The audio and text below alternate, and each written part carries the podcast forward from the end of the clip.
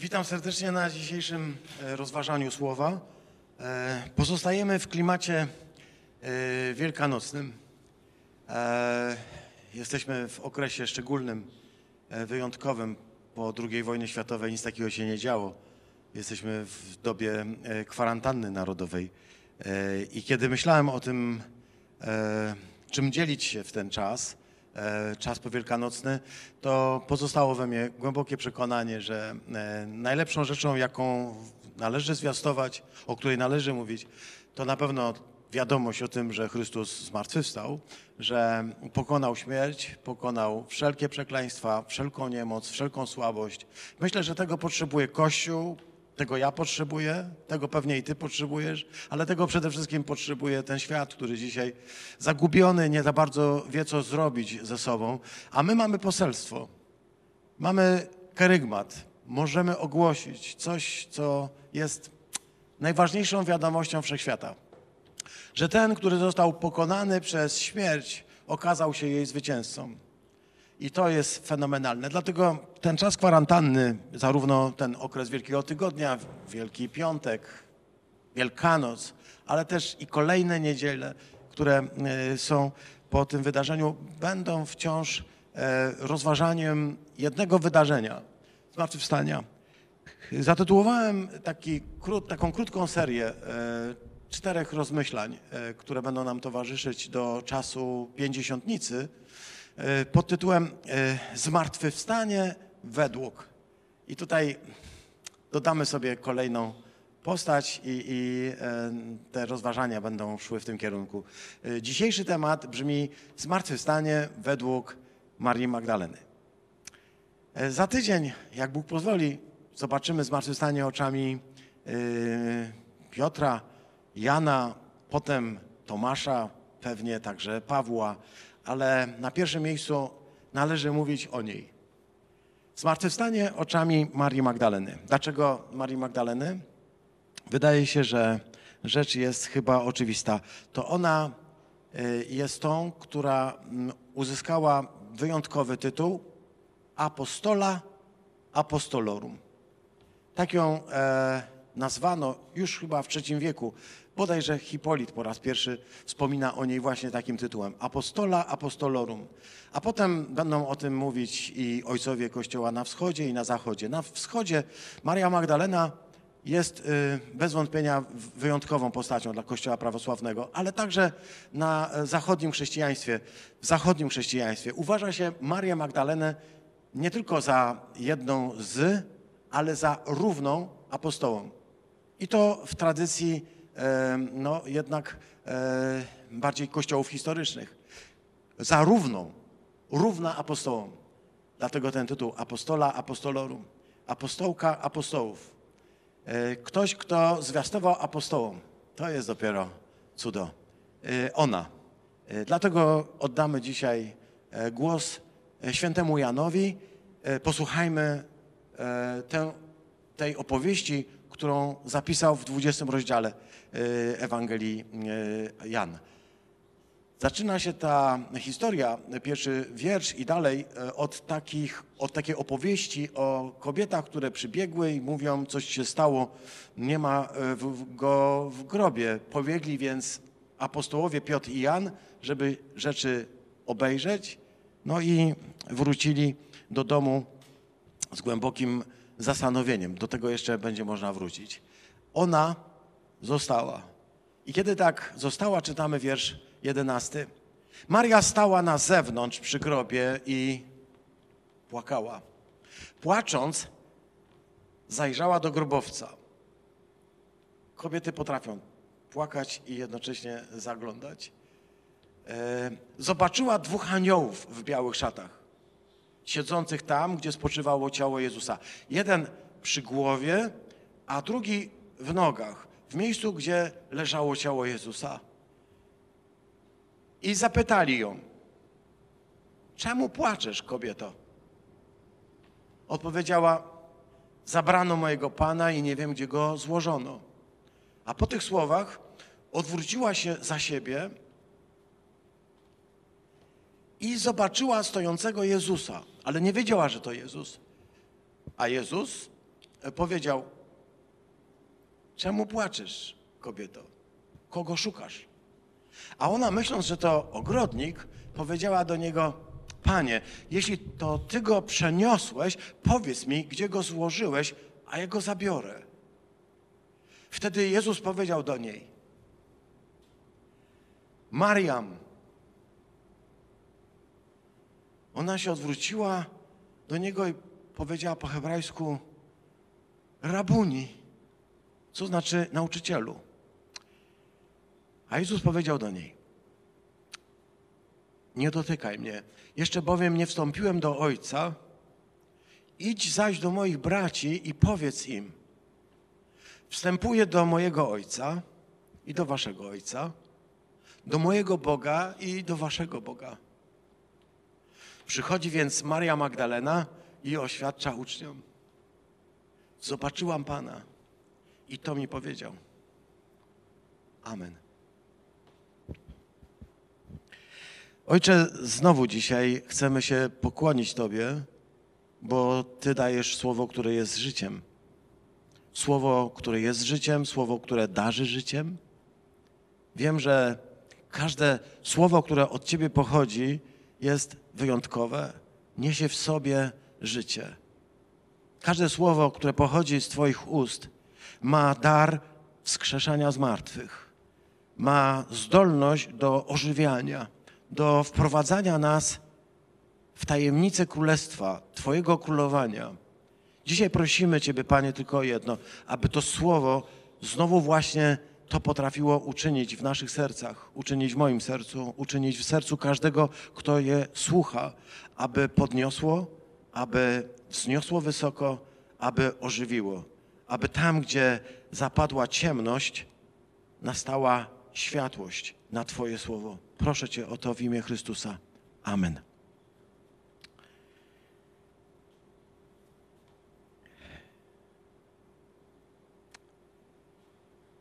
Kobieta e, z trudną przeszłością. E, gdy przyglądamy się e, początkom jej zapisów, które się pojawiają na kartach Ewangelii, ósmy rozdział Łukasza, początek ósmego rozdziału Łukasza, wspomina rzecz wyjątkową, ale później powtarza ją Marek w szesnastym rozdziale. Mówią o Marii, że jest Magdaleną i że Chrystus ją uwolnił spod mocy siedmiu demonów. W historii chrześcijaństwa yy, wygląda na to, że każdy kolejny teolog, biblista, ojciec Kościoła dodawał jeszcze kolejne demony. I w ten sposób Maria z siedmiu demonów stała się jeszcze przy okazji siostrą Marty z Betanii, a w ogóle jawną grzesznicą z siódmego rozdziału Łukasza. Myślę, że zbierała wszystkie brudy, jakie tylko mo mogło zebrać, bo te historie pisali już mężczyźni. A więc stała się jawną grzesznicą i najczęściej, kiedy patrzymy się na wyobrażenia Marii Magdaleny, to widzimy piękną kobietę, nie zawsze kompletnie ubraną. Zresztą sprawdźcie sami, możecie, macie trochę czasu teraz w internecie pogrzebać, to sobie zobaczcie, jak wygląda Maria Magdalena e, w tradycji zachodniego chrześcijaństwa. Co ciekawe, wschodnie chrześcijaństwo nigdy z tym nie miało problemu. Zawsze widziało ją jako zupełnie różną od pozostałych Marii i innych kobiet, w tym również tej jawnogrzesznicy, czyli kobiety lekkich obyczajów. E, wracając, pochodziła z Magdali, Magdala to jest przepiękna miejscowość. Y, zobaczycie ją. E, może nie na slajdach, zobaczycie ją w rzeczywistości.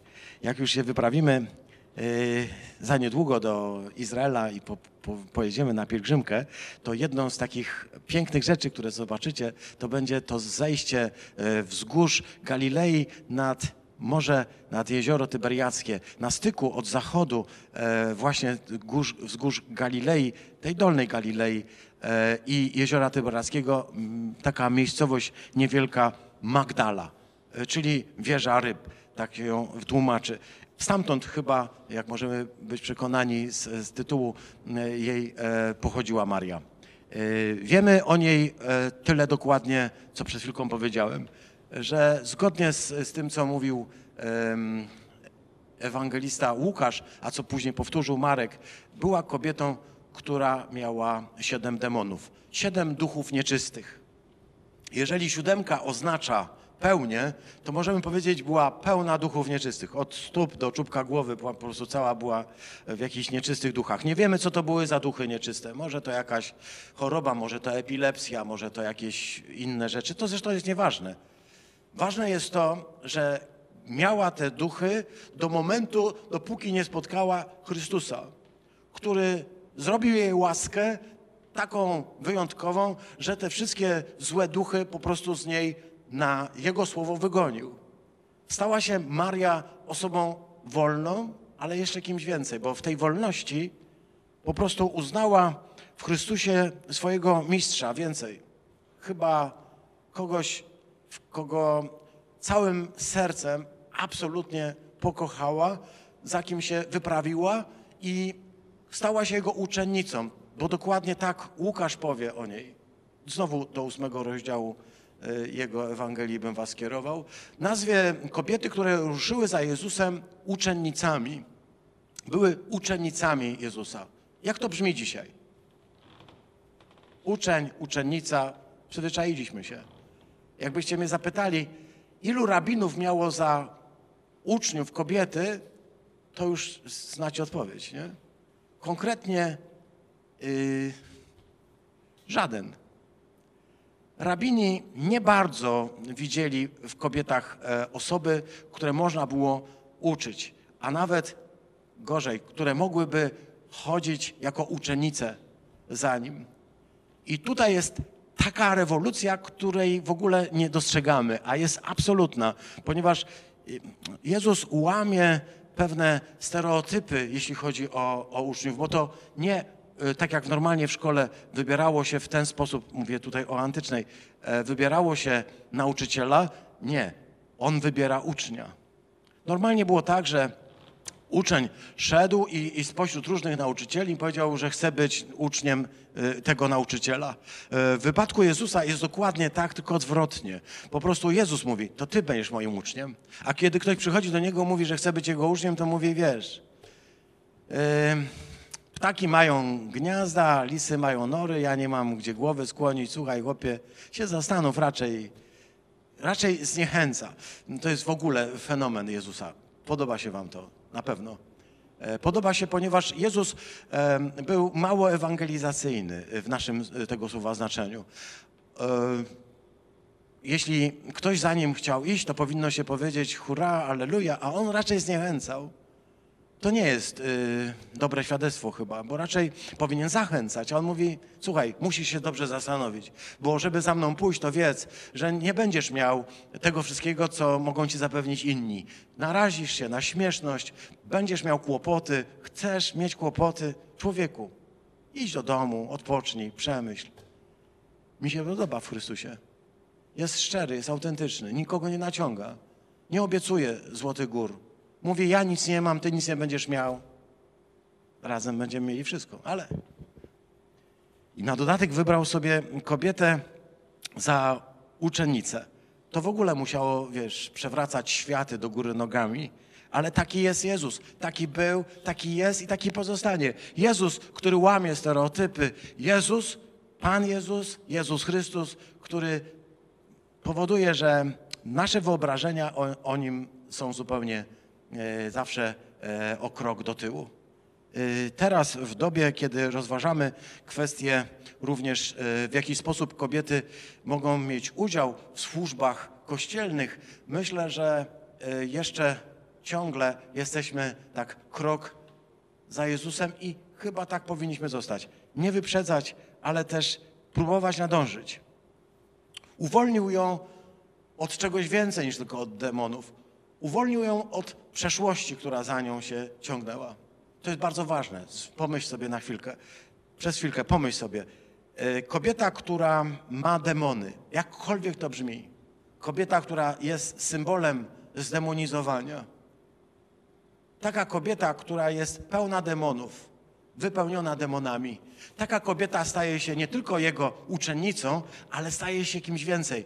Staje się osobą, która idzie za nim od Galilei po Judeę. I co ciekawe, w sytuacji, kiedy wszyscy uczniowie zawiedli, kiedy wszyscy się rozproszyli, kiedy każdy się pochował do swojej y, nory i żaden nie mógł wy, wy, wyściubić nawet no, nosa, to ona wiernie stoi w miejscach, których nie stanęli mężczyźni. A potem obserwuje, co się dzieje z nim, jest świadkiem jego zgonu, a wreszcie jest świadkiem e, pochowania. Wie, w którym grobie go pochowano, przygotowywuje dla niego e, mirę, przygotowuje jego pogrzeb i właśnie dlatego znalazła się tam pierwszego dnia tygodnia.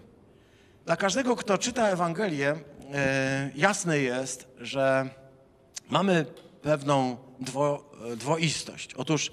Mm, kiedy czytamy o tym, y, jak wygląda sprawa świadków zmartwychwstania, to apostoł Paweł napisze wprost, że świadkami jego zmartwychwstania byli uczniowie. Y, wymienia wielu, mówi o 500 świadkach, wymienia dwunastu, wymienia apostołów, wymienia innych braci, a ani razu nie wspomina o kobiecie, o żadnej kobiecie. Tymczasem Ewangelie zawsze stawiają kobiety jako osoby, które po raz pierwszy zobaczyły y, zmartwychwstałego.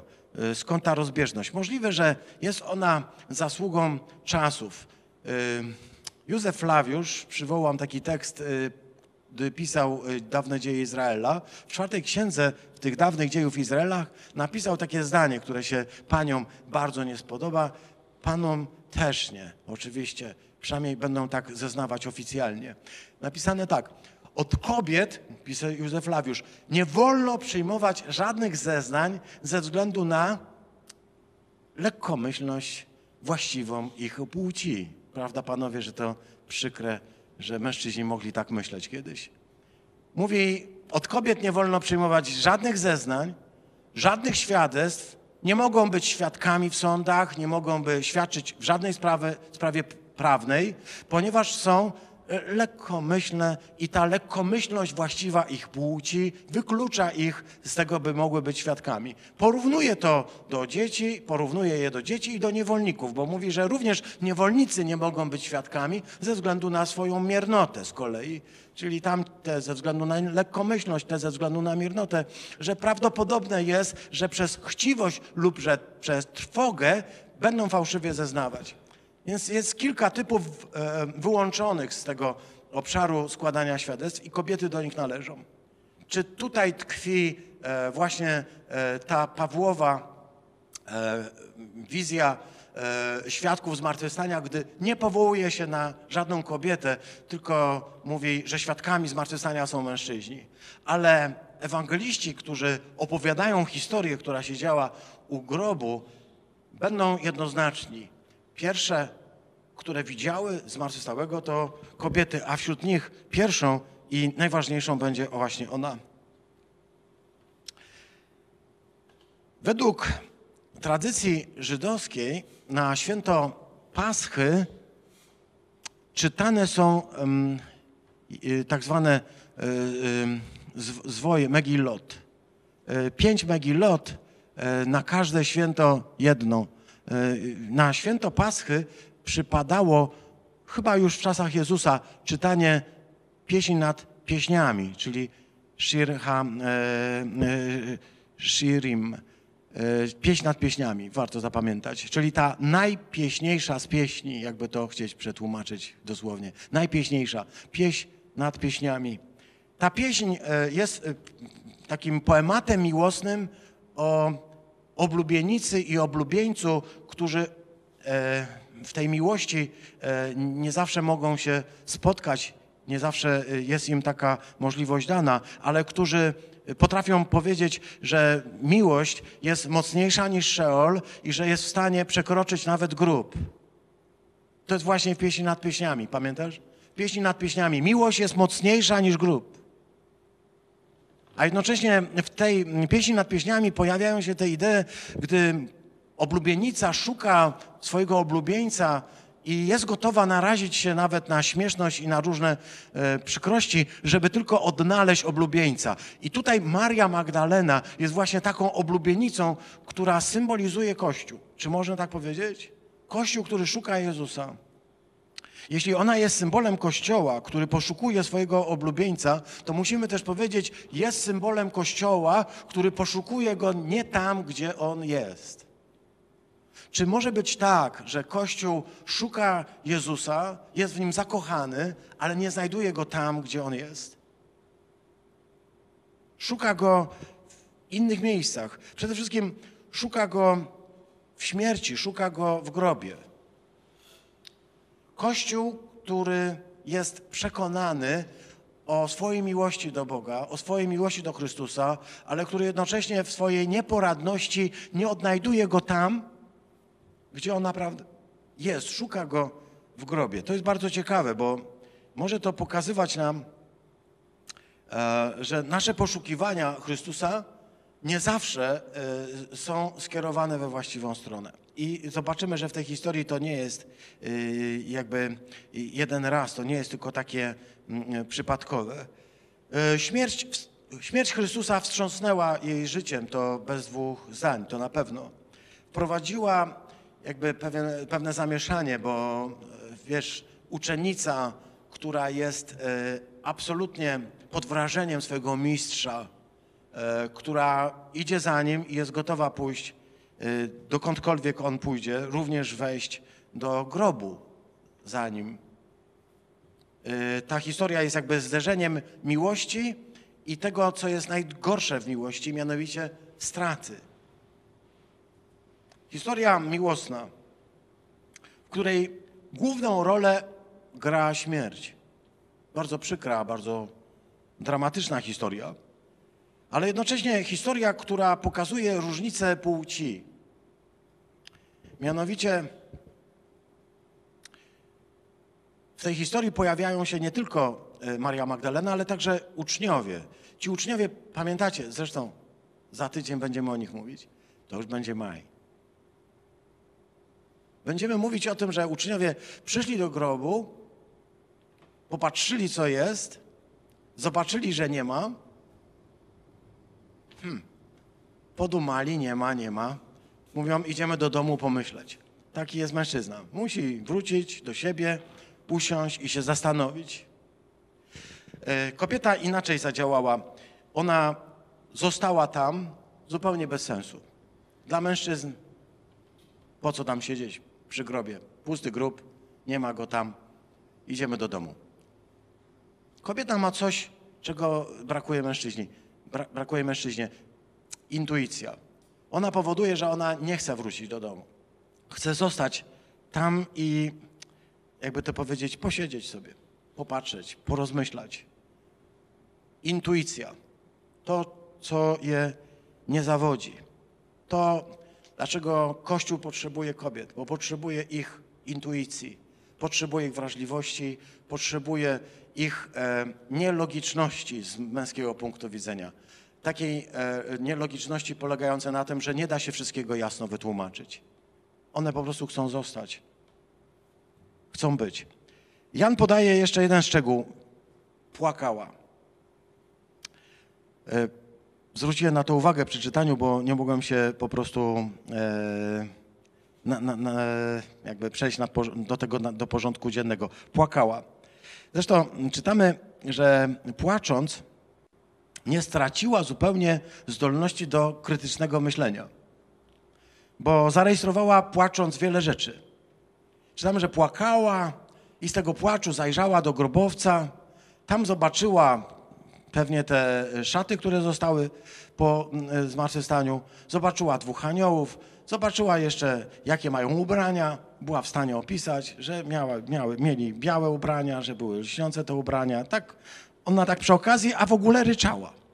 Ja nie wiem, to jest po prostu ta kobieca zdolność. Jak gdybym miał taki przypadłość, to prawdopodobnie gdyby mnie zapytali, kto tam był, to bym powiedział, że nikt, nikogo nie widziałem. A jakby mnie zapytali, że on tam był i jak był ubrany, to powiem wam szczerze, że nie miałbym pojęcia w ogóle. Tak? A ona tak płakała, bardzo płakała, ale przy okazji krytycznie różne rzeczy zauważyła. Do tego płaczu warto by zwrócić jeszcze na ten płacz uwagę. Wrócimy do niego na pewno, ale jeśli pozwolicie, to E, Pamiętam Przemku, twoje kazanie zrobiło na mnie bardzo duże wrażenie. E, Kiedy opowiadałeś e, o swoim odkryciu, bardzo mi się spodobało. E, Może to było w tamtym roku lub jeszcze dwa lata temu, choć pewnie jakbyś dobrze policzył, to może to i 10 lat temu nawet, bo to musiało być gdzieś tak koło tego. Pamiętasz, Przemku, to była taka historia o tym, e, rozmawialiśmy o tym, później dzieliłeś się tym, e, kiedy e, na tym miejscu, gdzie Jezus mm, e, leżał na tej półce skalnej, na której kładło się ciało zmarłego, teraz była tylko po nim e, całun, a pozostał po nim tylko całun, ale u głowy i e, w stopach e, siedzieli dwaj aniołowie. Pamiętam, jak zrobiło na mnie to wrażenie, kiedy zacząłeś pokazywać, że ta półka skalna, to miejsce ułożenia e, Jezusa, tak naprawdę to jest nic innego jak nowa arka przymierza, której dwaj aniołowie zwróceni do siebie twarzami okrywają to miejsce najświętsze. To jest miejsce, które nazywają Żydzi kaporet, przebłagalnia. To jest miejsce, które e, w Starym Testamencie znane jest z tego, że arcykapłan kropił ten kaporet, czyli ten e, e, e,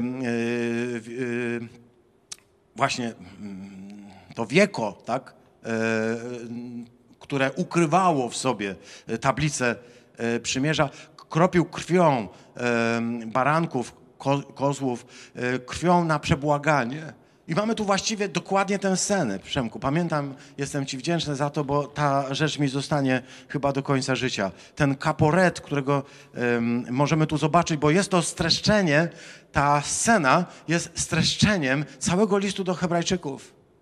Jezus, który jest arką przymierza, Jezus, który jest nowymi tablicami i aniołowie, którzy chronią, którzy strzegą, którzy są na miejscu tej wyjątkowej chwały Bożej. Krew, która tam jest, która obmywa, która e, oczyszcza, wszystko się zgadza. Tam jest miejsce najświętsze.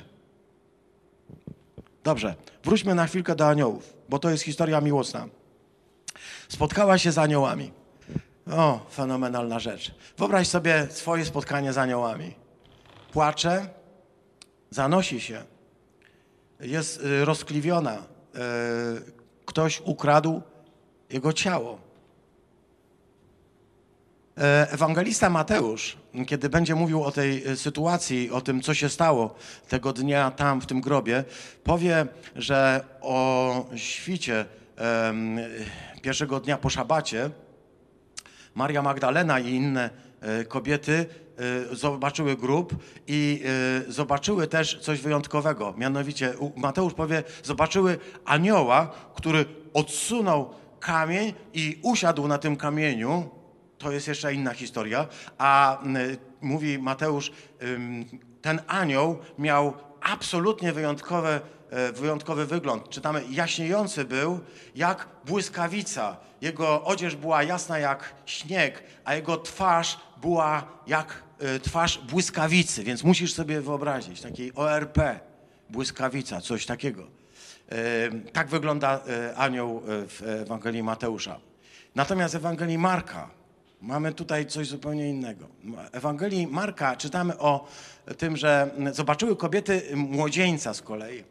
Młodzieniec siedział e, po prawej stronie, ubrany w białą szatę, a one się przestraszyły. Więc taki młodzieniec, to jak, jak go zobaczyły, to się przestraszyły. Są tacy młodzieńcy. Tu musimy powiedzieć, Zdarzają się tacy młodzieńcy. On był też oczywiście jak błyskawica, ale Marek dodaje, że to był, to był młodzieniec. Yy, Natomiast Łukasz powie o tym, że to był ten młodzieniec, który jednak było ich dwóch. Łukasz tak powie. I ci dwaj yy, mieli błyszczące szaty. Yy, Każdy z nich więc, Mateusz, Marek, Łukasz i Jan, coś tam o tych aniołach wspominają. Możemy powiedzieć, potężni aniołowie, potężni swoją mocą i jednocześnie w wyjątkowej bieli, jaśniejący, twarze jak błyskawice. Tak to wyglądało. Chcę powiedzieć, że ja się nie dziwię, że oni tak wyglądali, bo właśnie przylecieli z czwartego rozdziału Ap- Apokalipsy. Właśnie w czwartym rozdziale Apokalipsy czytaliśmy o tym w czasie Wielkanocy, że aniołowie otaczali te, te trony, y, te, ten, ten, ten tron Wszechmogącego, y, byli y, w samym środku, w samym centrum, jednocześnie zasłaniali oblicza tamtych aniołów. Były później, czytamy, miriady, miriad i ci aniołowie stojący przy tronie Wszechmogącego, od patrzenia na niego stawali się sami jaśniejący. I wyobraź sobie taką chwilkę, e, na, na, na, tak, tak na moment tylko, na chwilkę tylko. Wyobraź sobie taką sytuację. Jesteś przed tronem Bożym, patrzysz na Wszechmogącego, podziwiasz Go, śpiewasz, uwielbiasz, jesteś w samym centrum życia, robisz to, co najbardziej kochasz. Śpiewasz i ustawicznie wielbisz Pana Boga. A Pan Bóg mówi tak, a teraz leć do grobu. Więc oni z tego czwartego rozdziału lecą cały Nowy Testament lecą do grobu i tam siadają w grobie. Ja myślę sobie, e, słuchajcie, oni tam wyglądają, nie wiem, czy wam się tak to sko kojarzyło, ale mi się to skojarzyło trochę jak, jak ta kobieta, która siedzi w muzeum, jest e, odpowiedzialna za, za pilnowanie porządku i widzi e, ludzi, jednocześnie muzeum już jest zamknięte, więc wchodzą, a ona mówi, nieczynne, nie, nie, ma tutaj już nic do oglądania. Taki przewodnik troszkę lekko zblazowany. Oni tak, tak wyglądali. Ona przyszła, mówi, halo, a on mówią, nie ma go tutaj, proszę szukać gdzie indziej. Tu go nie ma. E, więc mają za zadanie, rozumiesz? Pan Bóg e, wziął ich z czwartego rozdziału objawienia, posadził ich w grobie, żeby mówili ludziom, nie ma go tu. Trochę to dziwne, ale z drugiej strony oni z jaśniejącego świata do grobowca. Mówię wam, ja jestem pod wrażeniem zmian scenografii, ale oni musieli być pod ogromnym wrażeniem, jak prosto spod tronu Bożego trafili do grobu. Te spotkania z aniołami, kiedy je o, o, zauważam, chcę powiedzieć jedną rzecz. Na pewno też zwrócicie na to uwagę, ale ja to powiem, dobra? Będę miał ten zaszczyt powiedzieć to, co wy czujecie. A wy czujecie coś takiego. Potężni aniołowie przepiękni, pełni mocy, młodzi, ładnie ubrani, jaśniejące, w ogóle cudowne. I ona powinna się nimi zachwycić. Powinna zapomnieć o Jezusie. Bo co prawda jest zrozpaczona, ale Bóg zamiast Jezusa w jej życiu ustawia anioła, a może nawet dwóch przepięknych, potężnych. Widzisz jej reakcję?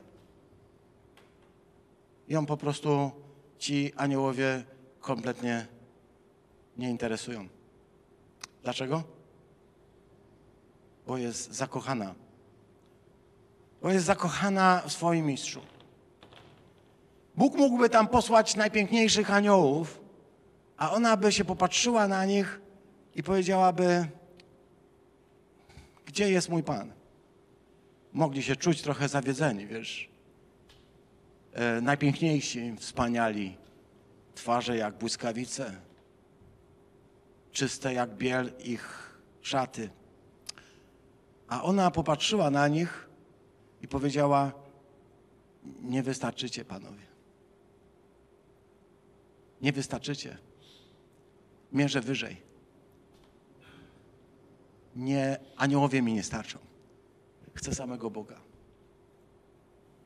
Taka jest ta kobieta.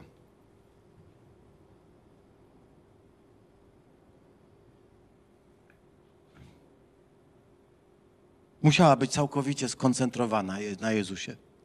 Tylko On ją interesował i, i, i, i nic i nikt. Ani mocy, ani zwierzchności, ani panowania. Nikt. Nikt jej nie mógł oddzielić od miłości Chrystusowej. Była w nim zakochana i ani aniołowie, ani żadna inna potęga na świecie nie była w stanie jej oddzielić. I to jest przepiękne. Według niej martwy Zbawiciel jest o niebo ważniejszy niż wszyscy żyjący aniołowie. To jest jej Zbawiciel. Zresztą ona tak mówi. Zabrali mojego Pana i nie wiem, gdzie go położyli. Zabrano mojego Pana Zwróć na to uwagę, bo to jest mocne słowo. Ona przeżyła pewien wyjątkowy dramat. Jej serce jest wypełnione smutkiem, płacze i aniołowie nie są w stanie jej um, uspokoić, bo mówi: Zabrano mojego pana. Dlaczego to mojego pana jest tak ważne? Dlatego, że jest jej panem nawet wtedy, gdy możesz się czuć zupełnie przez niego opuszczona. Nie ma go. Powinien być. On jest jej panem również wtedy, gdy y, jest nieobecny, gdy łamie jej wyobrażenia. Ja myślę, że to jest ważne. Zatrzymajmy się na chwilkę przy tym. To jest ważne, ponieważ y, on pozostaje jej panem nawet wtedy, kiedy ona przechodzi przez trudne doświadczenia. Nawet wtedy, kiedy wchodzi w samotność i nie rozumie, dlaczego tak się dzieje. On pozostaje jej panem, nawet wtedy, kiedy ona może powiedzieć, e, umarł, nie ma go. To jest bardzo ważna lekcja. Chciałbym się tego od niej nauczyć. Chciałbym się nauczyć tego, że On jest jej Panem, On jest moim Panem, również wtedy, gdy nie ma Go tu gdy nie czuję go, gdy nie widzę, gdy nie doświadczam, gdy mam wrażenie, że mnie opuścił, że mam wrażenie, że gdzieś odszedł, może nawet nie żyje, może nawet po prostu y, został zabity, może po prostu został wyeliminowany. Bo tak właśnie chce ten świat wyeliminować Jezusa, zupełnie go odsunąć, powiedzieć: On już nie jest ważny. Kim ty się zajmujesz? Jezusem z Nazaretu on nie żyje. On dla niej pozostaje jej Panem, ponieważ jej serce przylgnęło do niego i ona wie, że nie ma innego Pana. Dla niej nie ma innego Pana. Dla mnie nie ma już innego Pana. Dla ciebie nie ma innego Pana. Również w doświadczeniu, również wtedy, gdy przeżywasz kryzys, dramat, porzucenie, opuszczenie, doświadczenie jakiejś zupełnie takiej nawet traumatyczne, bo takie jest to właśnie w jej wypadku, to zostaw. To jest dalej Twój Pan. Możesz się tego od niej nauczyć. On jest jej Panem, nawet jeśli wszyscy mówią, że nie żyje. Nawet jeśli jej serce mówi, że nie żyje. Ale po, pozostał jej Panem. Jest skupiona na Chrystusie. Ale jednocześnie jest coś dziwnego w tym całym jej skupieniu. Bo kiedy nie interesują ją aniołowie, nie interesuje ją to, jak oni wyglądają i co się, jak się czują. Ona y, jakiś ruch zobaczyła z tyłu i już przestała się obchodzić, interesować aniołami. Popatrzyła się, zobaczyła ogrodnika stojącego, e, wyglądającego jak ogrodnik. To był ogród. Tu jest oczywiście przepiękna sekwencja na temat ogrodu Eden którego to jest jakby jakaś reminiscencja, ale kiedyś miałem okazję o tym mówić, więc można sięgnąć do archiwum, gdzieś znaleźć, znaleźć to rozważanie i pewnie mm, znaleźć w tym także pewne sekrety tego tekstu. Y, stoi y, oko w oko z Chrystusem. Patrzy się na niego i mówi do niego: Panie, jeśli go gdzieś przeniosłeś, powiedz mi, gdzie go złożyłeś, ja go zabiorę. Czemu płaczesz, kobieto? Kogo, kogo szukasz? Nie czego szukasz. Ciała się szuka. Kogo? To znaczy żyjącego. Ona mówi, panie, jeśli ty go przeniosłeś, powiedz mi, gdzie go złożyłeś. I płacze. Z czym nam się to kojarzy? Z czym wam się to kojarzy? Mogę wam powiedzieć, z czym mi się to kojarzy? Mi się to kojarzy z piątym rozdziałem Ewangelii Objawienia świętego Jana. Jan, czytaliśmy, patrzył na tron wszechmogącego i w tym tronie wszechmogącego widział e, samego siedzącego na tronie. Podziwiał, wielbił, widział, jak go wszyscy chwalą, jak go błogosławią ci cherubiny, y, serafini, jak archanioły, anioły, starsi. I patrzył się w ten tron. I powiedzieliśmy, patrząc się w ten tron, nie widział w nim baranka. Patrzył i to, to jest dziwne. Posłuchaj, jak to brzmi. Patrzył się w tron Boga i płakał. Płakał głęboko, mocno, bardzo. Nie, któreś wyrzuć. Płakał, głęboko dotknięty tym, że nie ma nikogo, kto byłby godzien wziąć od y, siedzącego na tronie księgę zwój i złamać pieczęcie. Płakał, chociaż był w, w obecności Bożej. Płakał, ponieważ wiedział, że y, przynależy do tego świata, który jest nieodkupiony, który nie ma szansy być na stałe przed obliczem Boga. Płakał, choć stał przed Bogiem. Płakał, chociaż tam, przed Bożym tronem, był baranek, zabity, ale stojący, zmartwychwstały. Patrzył i nie widział.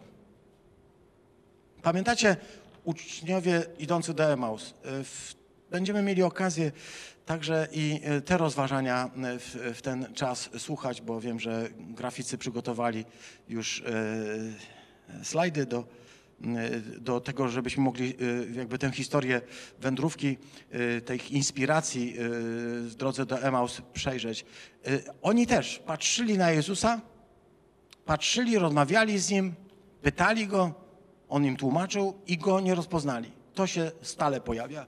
Jan w niebie patrzy i nie widzi. Maria stoi naprzeciwko Niego, rozmawia i nie widzi. Uczniowie z Emaus mają to samo. Coś jest z Bogiem. Albo z naszymi oczami. Nie tak. Płakała jak Jan płakał, e, patrząc na tron Boży i nie widząc e, żadnej nadziei na zmianę. Ona stała przed Chrystusem, płakała i mówiła: Oddaj mi Jezusa.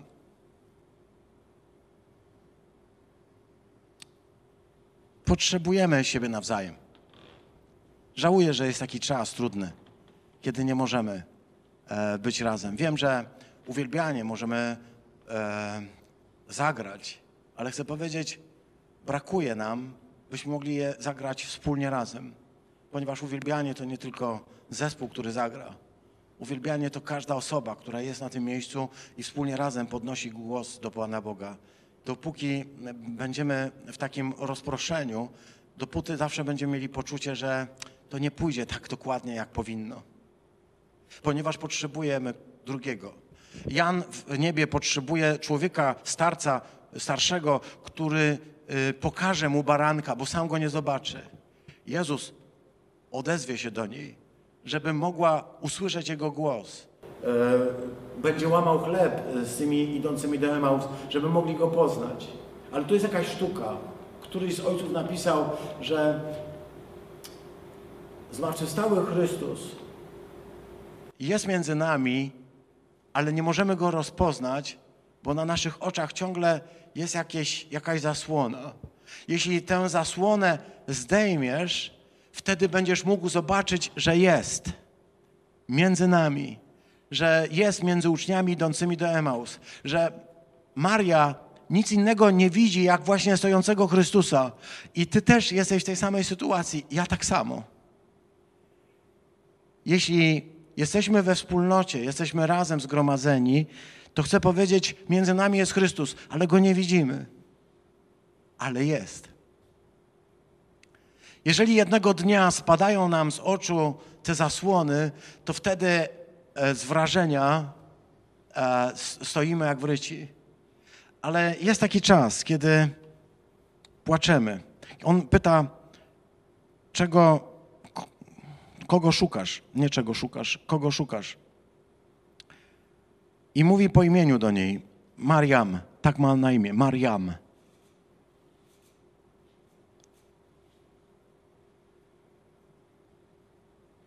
To był taki strzał prosto w serce. Kiedy powiedział do niej po imieniu, oniemiała i powiedziała rabuni, mój, mój, mój, mój mistrzu, mój nauczycielu, mój panie. Tam jest wszystko w tym rabuni. To jest e, cudowne, bo e, można to opowiadać długo, ale powiem ci, nic nie, nie zamieni tego, gdy Jezus do ciebie powie po imieniu. Gdy ciebie wezwie po imieniu. Doświadczyłem tego, mogę powiedzieć, wiem co mówię. Kiedy Jezus wzywa po imieniu, to jest po prostu coś niesamowitego, kiedy wyciąga nas z tego świata, gdzie go nie widzimy, gdzie żyjemy sobie, myślimy, że wszystko się dzieje, możemy to wszystko mieć pod kontrolą, nagle się okazuje, że On tu jest, że jest między nami i mówi do mnie po imieniu. Mówi do mnie, Wojciechu. Mówi do niej, hola, hola, nie zatrzymuj mnie. Nie zatrzymuj mnie. Ja, e, ja muszę lecieć do piątego rozdziału objawienia, e, bo tam płacze Jan. To się dzieje ciągle w tym samym czasie. Bo tam płacze e, młody człowiek, który e, rozpacza z powodu tego, że nikt nie jest godzien. Więc e, pozwól mi e, iść teraz do Ojca, bo muszę usiąść na tronie, żeby On mnie zobaczył. Ja tam jestem, ale On mnie nie widzi. Muszę Mu wskazać na mnie. Dlatego tu nie może być zatrzymany. Dlaczego? Dlatego leci do piątego rozdziału.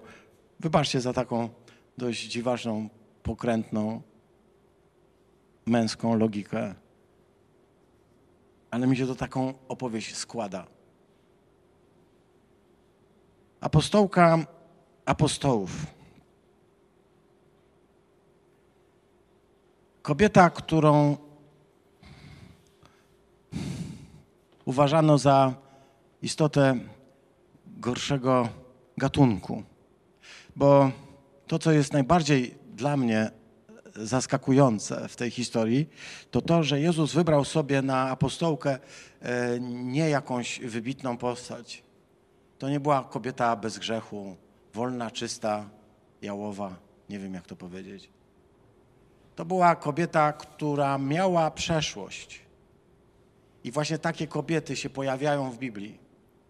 Taka kobieta to Noemi, e, dziś wspomniana, czy Rut. Taka kobieta z przeszłością. Rut. Co to za kobieta? To Moabitka, nie kobieta. Ludzie ją sądzali po pochodzeniu, uważali ją za gorszą. Tak się zaczęło dzisiaj nabożeństwo. Jedną z ulubionych moich bohaterek wiary, może najbardziej ulubioną jest Rahab. Kobieta gorszego sortu, nierządnica z Jericha. Bóg właśnie tak wybiera. Uczyni z kobiety, która ma siedem demonów, apostołkę bo nieważne dla niego jest to, jaka jest Twoja przeszłość. Nieważne są dla niego rzeczy, których, yy, którym służyłeś. Demony, które Tobą władały, siły i moce, które kierowały Twoim życiem, cała Twoja przeszłość, wszystko to, co się działo, zupełnie się nie liczy. Liczy się to, na ile chcesz mu służyć, kiedy zostajesz uwolniony.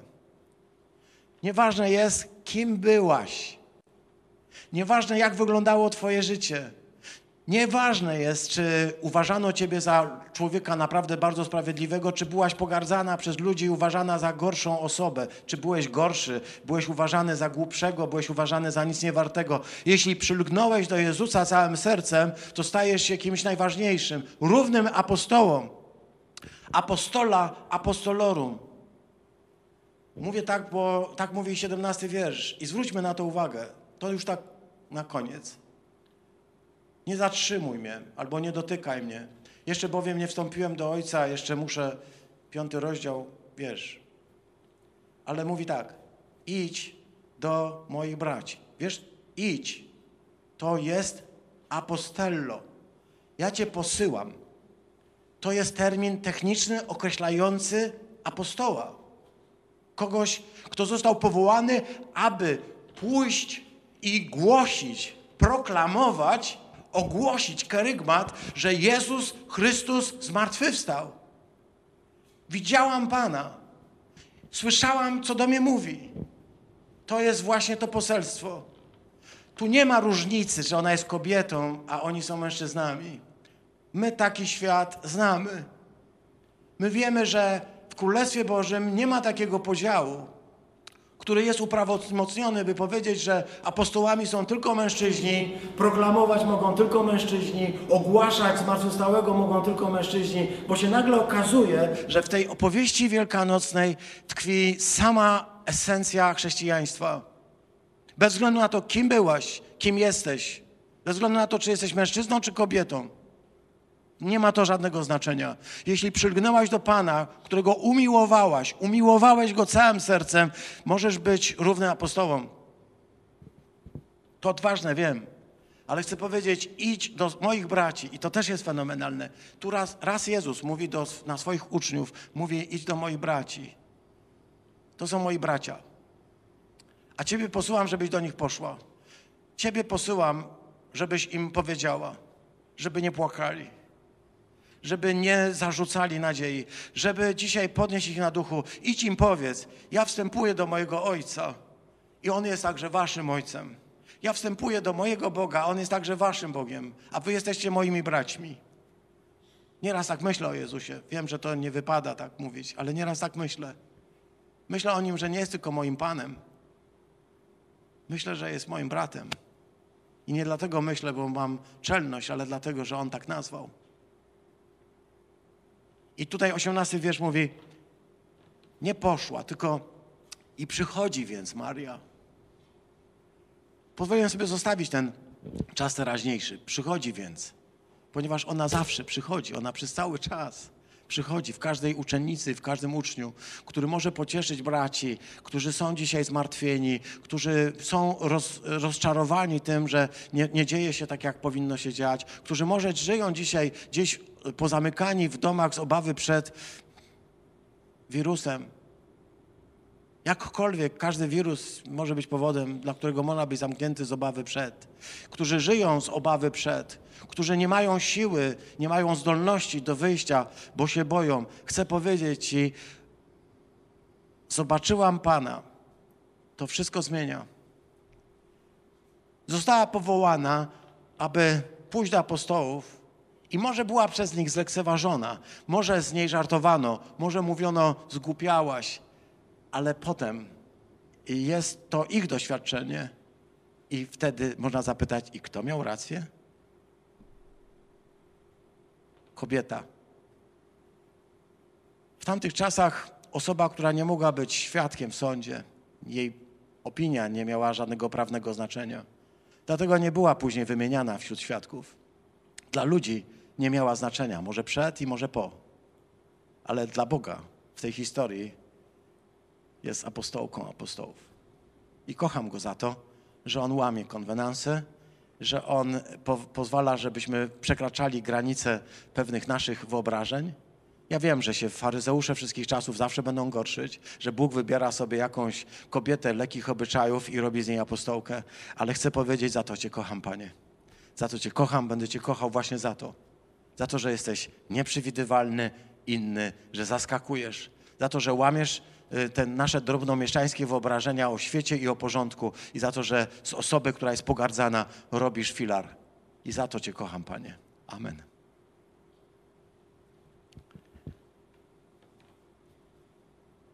Dziękuję Ci bardzo, Ojcze,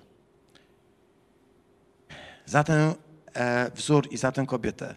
Za to, że ona szła smutna i to był najgorszy dzień w jej życiu. Znalazła się w obszarze śmierci. Weszła do grobowca. Jej życie złamało się i była pewna, że już nigdy nie będzie takie, jak było. Ale to Ty sprawiłeś, że ten najstraszniejszy dzień w jej życiu stał się dniem najradośniejszym. Bo to Ty możesz uczynić dla nas właśnie to, że najstraszniejszy dzień w naszym życiu, najbardziej dramatyczny, taki, gdzie praktycznie już jesteśmy jedną nogą w grobowcu, staje się dniem najradośniejszym. My dlatego dzisiaj chcemy głosić subiektywnie, zupełnie osobiście nasze doświadczenie z Tobą, nasze spotkanie z Tobą, wszystkim tym, którzy Ciebie nie znają aby oni także z tego najstraszniejszego dnia, z tego najtrudniejszego doświadczenia mogli znaleźć się w najpiękniejszym miejscu e, na świecie, w miejscu, gdzie mogę być bezpieczny, bo to Ty patrzysz na mnie, nazywasz mnie po imieniu. wzywasz mnie, wzywasz każdego człowieka. Niechaj opadną łuski, niechaj opadnie zasłona, niech zobaczą Cię ci, którzy nie znają, aby mogli doświadczyć tego, co ona i tego, co my, tego, co Twój Kościół. Panie, prosimy Ciebie o to dla naszych sąsiadów, dla bliskich, dla naszych rodzin, dla ludzi, którzy jeszcze nie poznali. Odsłoń ich oblicze, niech zobaczą Twoją chwałę i niech wiedzą, że ta historia najbardziej dramatyczna jest jednocześnie najpiękniejszą ze wszystkich, jakie znam. Niechaj i oni ją poznają i niechaj Ciebie uwielbią. Niech będzie uwielbione imię Pańskie odtąd i na wieki. Amen.